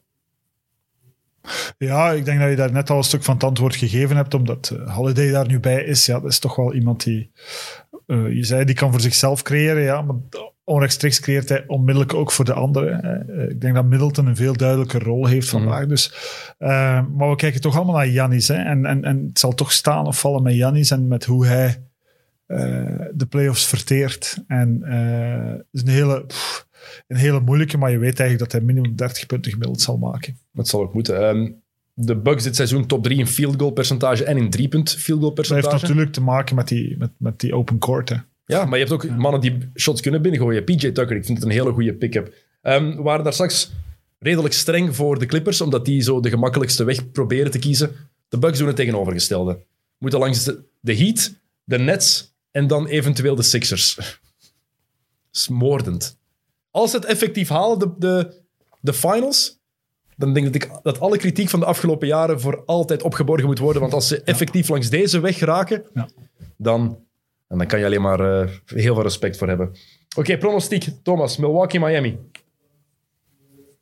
4-3. Ik zeg hetzelfde. 4-3. Ah nee, kom, 4-2. Voor de Bucks. Ja. Maar jij zegt ook Milwaukee. Ja, ja, ja. Dan hebben we Milwaukee, Brooklyn daarna. Wat doe je daarmee? Dat is een beetje cholera of de pest eigenlijk. Eh, nee, dat is niet waar. Eh, ja, dat is super moeilijk. Wat doe jij daarmee? Ja. Heb je nog niet beslist? Nee, dat heb ik nog niet ik zou beslist. echt ook niet weten. Ehm, Ik, ik, allebei open court, maar ik, ik ga toch voor de Nets. ja, ik ga in die matchup ook voor de ja, Nets. Ja. Omdat ze... Je weet dat dat scorend vermogen stabiel gaat blijven. Dat die, ja, die gaan meer ervaring. Ehm, ik ga in die matchup voor gezonde Nets. Ik ben wel even aan het denken, de defensieve matchups. Je hebt Holiday op Kyrie. Heeft in het seizoen laten zien dat hij Kyrie uit de match kan houden. Je hebt Giannis op KD. Wie zit je op Harden? Middleton, goed genoeg daarvoor? Ja, maar ze gaan, ze gaan niet alle drie 35 punten maken. Hè. Dus Nee, nee, maar je zich, er is altijd één die je moet een stukje opofferen. Eh, je weet dat, eh dat Janis en KD elkaar in evenwicht gaan houden. Dat hebben we ook gezien tijdens de regular season, ook de laatste keer. Wat een Eh, lekkere matchup. Ja. Eh, dus ehm, ja, ik ga toch voor de Nets. Oké. Ja, het moest even, ik was even aan het overlopen nog. Maar Oké, we hebben nog twee. Dan de andere bracket, nog twee matchups. Welke eerst?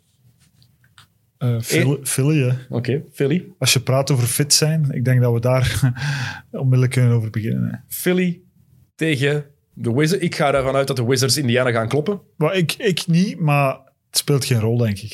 Philadelphia gaat sowieso de eerste ronde over, overleven. Oké. Eh, maar de vraag is natuurlijk, ja, en, en, daarom dat ik het over fit zijn heb, eh, ja, alles staat of valt met Embiid, die dat nog nooit echt op deze manier heeft moeten doen. Hè. Het is toch een stuk intenser eh, en anders.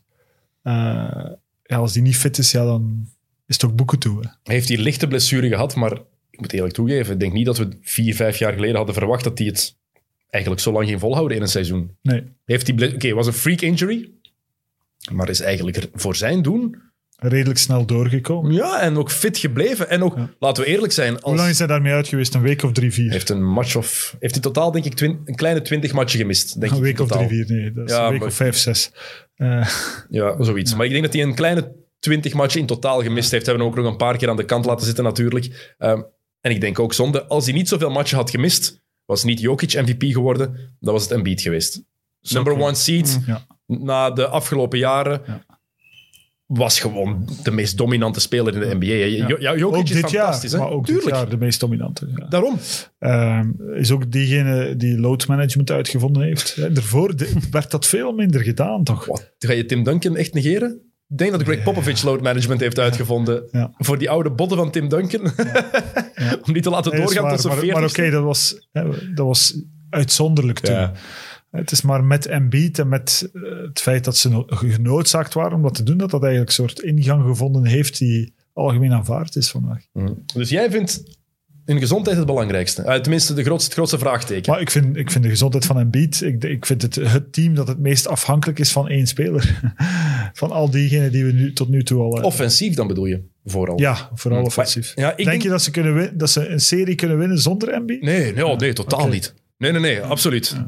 maar ik denk ook niet dat de Bucks een serie kunnen winnen zonder Giannis. Nee, dat is ook waar. Daarom. Ik denk dat de superst in de maar ze gaan er toch nog dichterbij zijn dan, dan denk ik dan de Sixers. Ja, maar ik denk dat het grootste vraagteken, buiten gezondheid, maar het grootste ehm, ja, vraagteken hun shooting gaat zijn. Want ik kijk meteen verder. Ik zie dan Philadelphia, oké, hierna dan tweede ronde tegen New York of Atlanta. Ja, dan kunnen ze allemaal tien vingers in hun neus doen. Die ronde zullen ze ook wel overleven. Maar dan tegen Brooklyn of Milwaukee. Hoe gaan ze dat oplossen? Vooral als je kijkt naar een matchup, een eventuele matchup tegen Brooklyn. Je hebt de twee beste perimeterverdedigers van de NBA op dit moment spelen bij de Sixers. Met Ben Simmons en met uh, Matisse Thybulle. Je hebt Joel Embiid, die de op één na beste perimeterverdediger is, na, ehm, zeg ik inside verdediger is, naar Rudy Gobert. Maar hoe ga je dat oplossen met je shooting? Want Stybel en Simmons, de ene pakt geen shots, de andere kan geen shot pakken. Ja.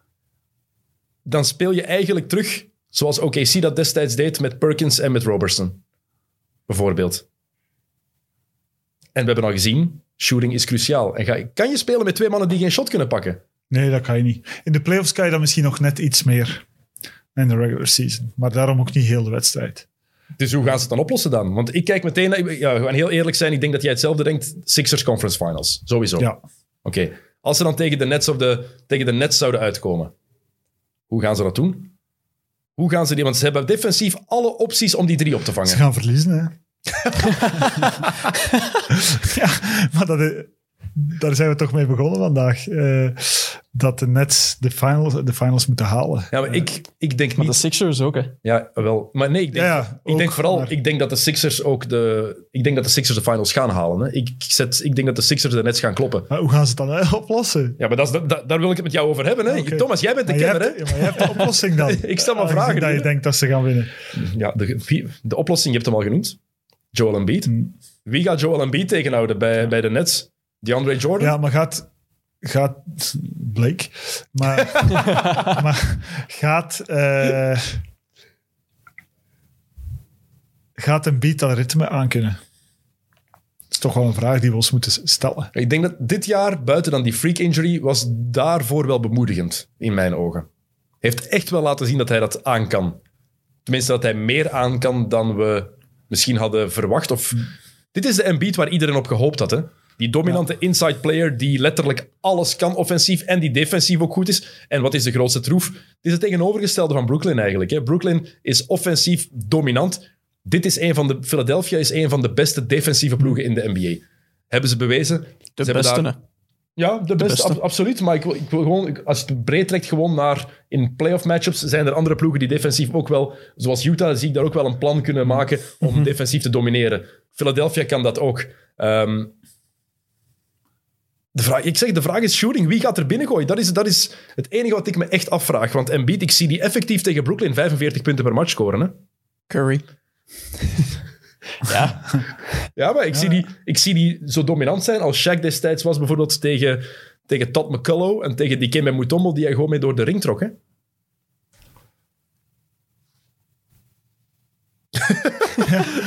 Het is toch een andere stijl, maar ik snap wat je wil zeggen. Eh, Ja, tuurlijk, niet op die manier, maar even dominant wil ik zeggen. Dat zie ik Embiid echt wel doen tegen Brooklyn. Ja. Ik, het offensieve talent van Brooklyn valt wel niet te ontkennen. En Nee. dan mag het nog Simmons en Stibel zijn, dan... Ik ga voor Brooklyn toch. Oké. eh, om mezelf even tegen te spreken, ben ik heel goed in mezelf tegenspreken. Ehm, buiten die shooting hebben ze te weinig scoren van de bank bij Philadelphia. En ze hebben veel te veel balverlies. Er zijn maar twee ploegen die meer, meer balverlies leden dan Philadelphia. En als er nu net iets heel belangrijk is in de playoffs, dan is het om die bal echt wel goed te kunnen controleren. Ehm, en dan is er de Ben Simmons factor. hè. Hoe gaat die spelen? Gaan ze effectief kunnen lopen? Want daar zijn ze goed in. Ehm, maar die defense, ja. Defense wins championships. 30 jaar geleden. Ja, weet. De playoffs zijn nog altijd trager. De dan, hè? 90s, de 90s. De playoffs, gaan, de playoffs worden altijd trager. hè? maar het- ze worden niet meer beslist eh, zoals vroeger in defense. Oké. Maar Philadelphia gaat wel door naar de tweede en dan Ja, derde ronde. laat ons eerlijk zijn. Hè. We moeten nog één matchup bespreken. En daar zijn we heel blij om hè, dat die er is. maar het is nu niet zo dat we zijn enige ambitie eh, Ja, het, het, willen aanpraten. de volgende matchup eigenlijk is het enige, wat, het enige opvallende dat daaraan is. Of nee, niet het enige, maar het meest opvallende. New York of Atlanta, één van die twee ploegen gaat de tweede ronde van de playoffs halen. Ja, dat is opvallend. Dat is, gewoon... En als je, als, je, als je dat ziet, die, die matchup, dan denk je echt dat je terug in de 90s bent. Dus, dan zeg je van New York tegen Atlanta. Ja. Dit is gewoon, eh, ja, dat is gewoon Steve- niet vandaag. Dat is niet 2021. Dat is gewoon eh, 1992 of zo. Dat kan niet anders. Stacey Augment tegen John Starks. Zoiets. Ja. zou je dan krijgen. Ehm, ja, New York of Atlanta. Eén van die twee gaat door. Dit is de ehm, enige matchup waar de Knicks op mochten hopen, denk ik, om de tweede ronde te bereiken. Alle andere Stel matchups... u voor dat de Knicks de tweede ronde halen. Maar wat een succes. Thomas, als, jij, als ik tegen jou gezegd had in onze preview, stel je voor dat de Knicks de playoffs halen. Je had me gewoon in mijn gezicht uitgelachen, hè? En terecht. Ja, terwijl ik heb wel, meen ik mij te herinneren, gezegd van dat ik wel geloofde eh, in Thibodeau. Ja. En, en, en in, als er iemand een soort chemistry kon proberen vinden daar, dat ik wel dacht dat hij dat zou kunnen zijn. Maar dat was eerder ook weer zo een wilde voorspelling, die ook wel uitgekomen is. Ook omdat wat Julius Randle dit jaar gedaan heeft, God weet waar dat vandaan kwam, maar dat is, allee, voor mij is dat iets dat ik niet wist dat dat kon. Second team All-NBA voor Ja, mij. dat, ja, ja, ja, moet. Ja. Ehm, wat we nooit gedacht hadden, dat hij dat ooit... Totaal niet. zelfs niet... Zelfs niet eh, nee, in onze stoutste dromen zou dat zelfs niet kunnen gebeurd zijn. eh, dat er niks met dat team eh, ja, vierde geworden in het oosten. Ja, en dat ze ook fit gebleven zijn, want Tom Thibodeau heeft wel een paar reputaties hoog gehouden. Dat het een defensief ingestelde coach is. New York heeft daar een fantastische defense geïnstalleerd. Maar ook, ook dat hij zijn spelers gewoon kapot maakt, Ja. hè, fysiek. De twee spelers die het meeste minuten gespeeld hebben in de hele NBA. Eén, Julius Randle. Twee, RJ Barrett. Toevallig twee spelers van Tom Thibodeau. Gaat zich dat wreken nu? Ik denk het niet, want het zijn allemaal jonge gasten die fysiek nog heel fit zijn. Randle is ook nog maar 25? Ja, ik ging zeggen Zelfs 26. maar, 26? ja. Dus dat ziet er dan wel goed uit. Ehm, maar laten we heel eerlijk zijn, als we naar deze twee ploegen kijken. Atlanta is de meest getalenteerde ploeg. Ja, En zou eigenlijk het betere team moeten zijn. ja. En toch gaan de niks door. En- ja, dat denk ik ook. Maar dat hopen we gewoon. denk ik ook. We hopen dat eigenlijk allemaal. Eh, ook omdat, maar we moeten Atlanta ook wel wat krediet geven om zesde geworden te zijn met dat team. Ik had het ook niet Vijfde, vijfde. Ah ja, vijfde Ja, ja. geworden te zijn met dat team. Eh, ja, ik ben wel in de war met die, met die play-ins. hè. Eh, Stek het gewoon op mij. Ik heb een slechte, slechte volgorde van de podcast. Stek het op mij. Eh, maar ehm, ja, ik had het ook niet verwacht. Hè. Eh, zeker niet na die eerste weken toen ik zag dat Trey Young zijn bal nooit afgaf. Hè, dat, dat Capella eh, acht punten had, vier op vier twee-punters in 30 minuten. Dan dacht ik, dit komt nooit goed. Ruzie in de kleedkamer Ja. met John Collins, omdat die inderdaad jou helemaal gelijk geeft, vond dat Trae Young zijn bal moest afgeven. Ja, en, en ze hebben daar toch een soort eh, ja, systeem in gevonden dat, dat beter werkte, waar, waar de bal beter geshared werd. En eh, ja, het is ook wel straf, want eh, ze hebben meer talent, maar het is nu ook niet dat ze overlopen van het talent. Coach wisselen. Ja. Heeft ook een verschil gemaakt. Zeker. Ook niet onbelangrijk, denk ik, want sindsdien zijn ze ook wel beter beginnen spelen, een beetje conservatiever beginnen spelen. Voor zover je conservatief kan spelen met iemand als Trae Young natuurlijk. Wat het nadeel is voor Atlanta, ze kunnen Julius Randle niet tegenhouden. Nee. Ze kunnen die niet stoppen. Nee. Eh, dat is één. En dan het defensieve systeem van de Knicks gaat echt wel werken tegen Atlanta, omdat ze niet dat talent hebben om dat te overstijgen. Ehm, de Knicks hebben drie keer tegen Atlanta gespeeld in het reguliere seizoen. Ik kijk daar meestal niet naar, naar die matchups, omdat dat helemaal anders is als je in korte tijd zoveel tegen elkaar speelt. Zeker dit reguliere seizoen, je hebt zoveel blessures gehad. Maar Julius Randle in die drie matchen, 37, 12 en 7 gemiddeld. 37, 12 en 7.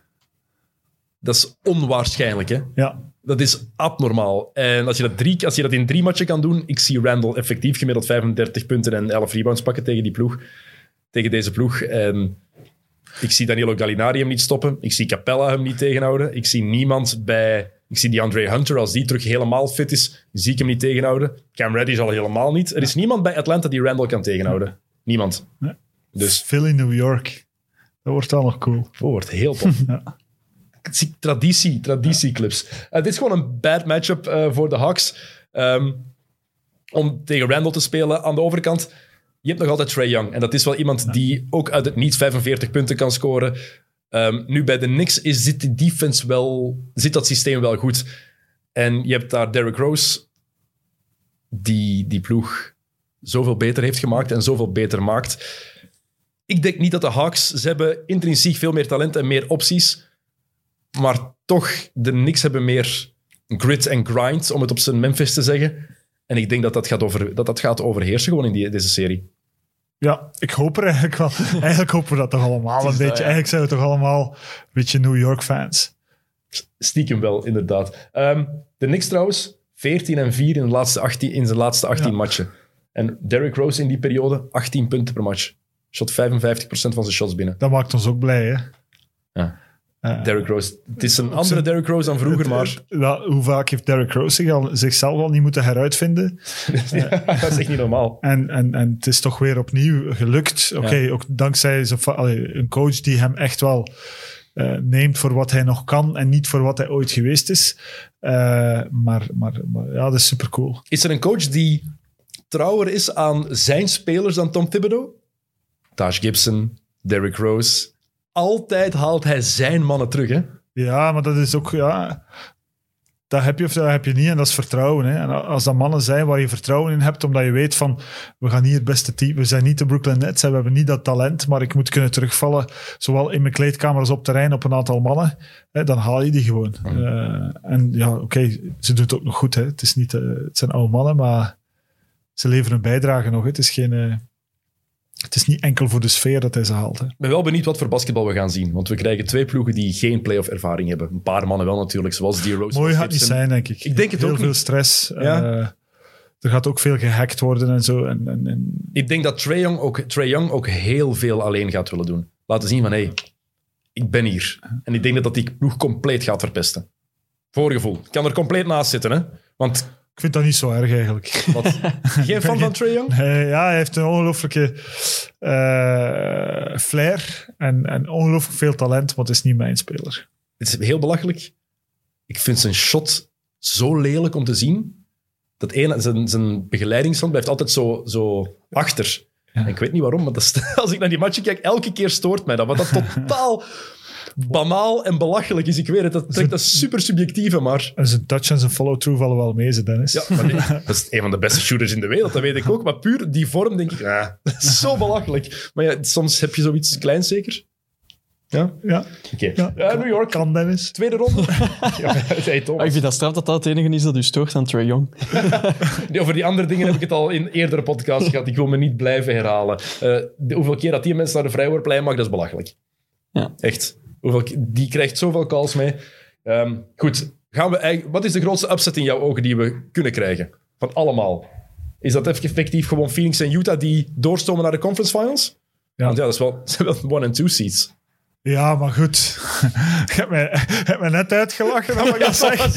En nu, en nu zijn het eh, plots eh, te verwachte teams. Nee, nee, nee, eh, ik, ik, ik- ik probeer er goede soundbites uit te krijgen van u, Thomas. Eh, ja, eh, het, mocht Phoenix de conference finals halen, dat zou toch wel een, een, een upset zijn. Ja, als Phoenix en Utah de conference finals halen, gaat een van die twee ploegen logischerwijze ook naar de finals. Dat is al ja, complete waanzin. Oké, goed. Dus jouw finals. Wat is jouw finals? Nu zeggen voordat de playoffs Utah- beginnen. En voordat de playoffs echt beginnen, ja. Utah, Brooklyn. Utah, Brooklyn. Wauw, oké. Mooi. Ik zit er los naast, maar ik vind het wel cool. om, gewoon zo cool. eens, ja, om gewoon zo eens puur op buikgevoel te zeggen wat ik denk. Dat is veel cooler. Ik zeg Lakers Philly. Dat is minder buikgevoel. Dat is, nee, dat is heel veel buikgevoel. Nee, dat is gewoon rationeel. Maar nee, want dat is- anders als het rationeel zou ik ergens voor de Nets, moeten- voor de Nets moeten kiezen. Als ik volgens de verwachtingen. Iedereen verwacht de Nets in de finals. Maar er is iets dat mij tegenhoudt. De hele tijd al. Oké, goed, Thomas. Ik heb nog een paar vragen snel voor jou. En wie wordt er kampioen? Of ben ik te vroeg? Nee, Is- ik, Lakers. Ik heb, al, ik heb van het begin gezegd, als LeBron fit en AD gezond de playoffs halen, blijft dat de topfavoriet voor mij. En dat blijft zo. LeBron, Ik geloof het niet, maar ik zeg net. Maar ik geloof het zelf eigenlijk niet. dat het kan. ik had gehoopt dat hij Utah zou zeggen. Echt, de jazz kampioen. Ik zou, ja, als, ik eigenlijk, als ik eigenlijk op buikgevoel en gewoon moet zeggen van wie ik graag zou... En, en op liefhebbersgevoel, dan moet ik de Jazz zeggen. Maar Het zou wel passen bij een van de vreemdste seizoenen aller tijden. Dat Ja. we ook zo'n vreemdere naam als kampioen krijgen. ja, Oké. ehm, heb jij een idee van wie welke award winnen voor jou dit seizoen? ja, Jokic mag MVP worden. Akkoord. Ja. Ehm, Gaat die ook worden? Ingles mag sixth man worden. Ja. Check. Heb ik ook. Colbert defensive. Ik denk dat daar... eh, weinig- voor mij is daar weinig discussie over, maar als, Ja, je, Ben Simmons. als je mijn Simmons in de weegschaal wil leggen, snap ik dat ook wel. Ehm, Most improved? rookie is LaMelo. Ja. Heb ik ook. Ehm, maar ik zie niet in wie het anders zou echt kunnen worden. Nee, Anthony Edwards, als je naar de cijfers kijkt, maar als je zijn matchen bekijkt, is de, het is... Nee, de LaMelo-bal, de impact die hij op die ploeg heeft gehad, hij heeft van de Hornets een winner gemaakt. Zo simpel is dat. Wat Co- heb je nog? Coach. Wie heb jij? Thibodeau. Ja, eigenlijk moet het. Het kan maar niet. Nee, je kan ook eh, kiezen Monty voor eh, Williams. Monty Williams, die het goed gekregen heeft van de coaches. Andere coaches hebben hem verkozen. Ja, je is kan, iets sympathieker. je kan, en, ja, maar heeft. Phoenix, van, heeft Phoenix Ja. wel van uit de playoffs naar Ja, ja, number nee, 2 klopt. seed geleid? Ja. Quinn Snyder, Ja. Doc Rivers. Er zijn genoeg opties, denk ik. ik ga doen Ja, is dog van, hè. Tyloo? Tyloo? nee, nee, maar serieus. de- Nee, nee, ja. Mijn drie is- kandidaten waren Thibodeau, Monty Williams en Quinn Snyder. denk ik. Ja, en, en ik- ik zou kunnen leven met gelijk wie van die drie.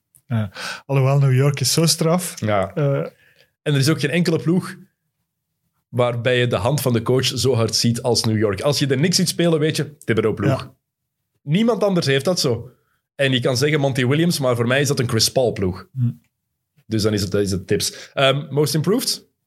Ook Julius Randle? ja. Er zijn wel nog een paar serieuze kandidaten, hè, maar pff, je kan bijna niet anders dan Julius Randle nemen. Ik vind, ik vind dat hij dat ook verdient. Ja. Geef, hem die, geef hem die prijs. Is er nog een award die ik gemist heb? Nee. Nee? Nee. Oké. Ehm, heb je nog iets... heb je nog iets te Community Heb Award. je, heb je nog iets te zeggen? zeggen? Nee, ik- heb je nog iets te zeggen over Kwame Brown? Eh, ja, dat hij, ik heb het ook wel gezien. Jij hebt het mij gestuurd. ja. Eh, dat hij heel goed screens kon zetten voor Kobe. Dat, eh, even- de even- 81 punten van Misschien Kobe. even de achtergrond schetsen. Ehm, dus er is een All the Smokes podcast geweest. Dat is die podcast met ehm, Steven Jackson en Matt Barnes. waarin die mannen toe te paffen en dan wat babbelen. En Gilbert Arenas was op bezoek geweest en het ging ineens over, over Connie Brown. En Brown vond dat niet oké, blijkbaar dat het over hem is gegaan. Is op een rant gegaan van een uur op YouTube. Een uur heeft hij gerant, hè. Ik heb het niet allemaal kunnen uitkijken, want ik werd er, ah, dat was te veel. Ehm, en hij is daarna nog eens in zijn auto, nog eens op Instagram, nog eens wat dingen beginnen zeggen. En ja, het is over heel veel gegaan. Het is echt over heel veel gegaan. Maar het strafste was toen het ging over Kobe Bryant, over die 81 punten, dat hij inderdaad zei... Did you see, iets van, did you see the screens I was setting? en dan inderdaad hebben ze die screens boven gehaald. Thomas, waren dat goede screens? Ik kan het zelfs niet serieus vragen. Maar het slaat ook nergens op. Eh, ik, ik snap zelfs niet hoe je daar durft over te beginnen. Maar goed, ja. Kwame Brown, it says it all. Hè. Eh, ieder- iedereen is bijna vergeten wie Kwame Brown was. Maar denk Nee, die kun je ooit- toch niet, want... Nee, omdat, zo, vergeten? omdat het zo'n slechte number one overall pick was. Allee, de, de- er is denk ik nooit een speler geweest waar op voorhand al van gezegd werd in het begin van zijn carrière van ja, ja, hij gaat nooit een goede worden, want hij heeft te kleine handen. Dus juist, zo'n beer. Maar hij had echt kleine handen. Hè. Ik weet het. Ehm, maar ja, dus alles, alles tegengesproken wat er zo gezegd ooit is gebeurd. Michael Jordan heeft hem nooit gebroken en Gilbert Arena heeft geld uit zijn zakken genomen. En eh, je mag Zou ik nu ook niet van verschieten. Nee, Gilbert Arenas, daar schrik je niks van. Ehm, maar ze mochten niet praten over een andere zwarte man, want het was wat daaruit kwam. Het zegt veel over hem dat hij daar zo over eh, begint te ranten. Als mensen nog eh, een uurtje hebben, mogen ze altijd eens Oh, kijken. Hè. Ja, of als je zo, ja, als je, als je verveelt, als vakantie. Of als je eigenlijk XNO's echt slecht vindt, kan je altijd eens een uurtje naar Kwame Brown luisteren en je zo rap terug naar XNO's luisteren. Dan wel. Dan kom je terug naar XNO's. Oké, Thomas, is er nog iets anders dat je te zeggen hebt? Nog Nee. iets interessants te melden? Niet echt. Ik Nee? eh, kijk er wel naar uit naar de komende weken. Ik ook. Ik ben ook heel benieuwd naar de playing games van, eh, van straks en morgen. Meer naar die tussen Golden State en eh, Memphis dan die tussen Indiana en Washington. Maar ja, toch benieuwd, want Westbrook en Beal die waren heel teleurgesteld na die match tegen, tegen Boston. Maar ja, tegen een ontketende Tatum en een Kemba Walker die goed was, kan je gewoon niks doen. Oké, goed. Dus Thomas van de Spiegel zijn voorspelling. Brooklyn Nets tegen Utah Jazz in de finals. Brooklyn kampioen. Ik zeg op dit moment, voor er nog maar één match gespeeld is, Lakers Philly en Lakers opnieuw kampioen. Dat klinkt echt veel beter, maar ik hoop dat mijn voorspelling uitkomt. Hey, jij, jij hebt een, jij hebt een, eh, een one tegen two seed. Ik heb een seven seed in de finals. Hey. Oké, Thomas, bedankt dat je er was vandaag. Dat is leuk. Eh, bedankt dat u geluisterd heeft, dames en heren. Maar denk eraan, vergeet de andere Friends of Sports podcasts ook niet. Eh, er is... Is er een Mid-Mid geweest deze week? Ja, met Tom de Sutter. Kijk, met, met, met Tom de Sutter, die is er geweest. Die kan u beluisteren op al onze kanalen. Bekijken op het YouTube-kanaal van PlaySports. Daar komt dat op. Er is een 90 Minutes. Tenminste, er komt een 90 Minutes. Die komt er morgen vroeg Morgen aan. vroeg, vrijdagochtend. Tenminste, ik weet niet wanneer u dit beluistert, maar vrijdag de 21ste is er dus een nieuwe, mid- eh, nieuwe 90 Minutes opgenomen. Er komt maandag nog een Kick and Rush aan, de allerlaatste van het seizoen. En wij zijn er waarschijnlijk volgende week terug. Hangt er een beetje vanaf. Ze gaan hier beginnen werken, dus we moeten zien of dat het We zullen allemaal zien. lukt. Ja. Er, gaat, er gaat eens gewerkt worden. Er gaat eens... Je mocht wel eh, je mocht onze giveaway niet Aha. vergeten. Kijk. Ja. Maar de meerwaarde toch, dat we die mensen een micro gegeven hebben. Ehm, jullie kunnen iets winnen dankzij de leuke mensen van Bounceware. Een shirt van Jamorant en een shirt van Stephen Curry. En het zijn hele mooie edities, maar het is voor een keer niet voor, voor volwassenen. Het is wel voor kinderen. Dus als jullie iemand thuis hebben rondlopen die jonger is dan... Ik weet eigenlijk niet wat de grootte daarvan is, dat moet ik even bekijken. maar die jonger is dan 14 jaar, veronderstel ik, en die graag basketbalt of die graag een shirt wil dragen van een van... eh, van die twee mannen. Misschien nog iets voor, eh, voor jouw zoon, Thomas. Zou zomaar kunnen. Dan eh, kan je meedoen. Je kan het shirt van Jamorant winnen, sh- shirt van Stephen Curry winnen. Jokke, wat gingen we doen? Ik ben het effectief vergeten. Eh, laat u... eh, Goh, ja, wat gingen we doen? Eh, een foto maken van, Ah ja, van ja, het, ehm, het kind in kwestie. ja, laat een van uw kinderen een bekende foto of een bekend beeld van LeBron. Nee, van LeBron niet. Van Stephen Curry nu. Of. Of van LeBron. Of eigenlijk gewoon. Van een basketter. kind- ja, van, van een NBA-speler. Laat een van uw kinderen een, eh, een beeld van een eh, NBA-speler imiteren. Pak er een foto van. Een filmpje zou nog beter zijn. Stuur het ons door. En dan kunnen jullie een eh, mooi shirt winnen van ofwel Stephen Curry ofwel Jamorant. Was dat duidelijk genoeg? Ik denk het wel. Ja. En anders geven we ze gewoon weg. En anders dan zijn ze... Of dan nemen we Krikke mee. Voilà, dan neem mee. Oké, goed Thomas, dikke merci. Eh, jullie allemaal, tot de volgende keer. Check it out.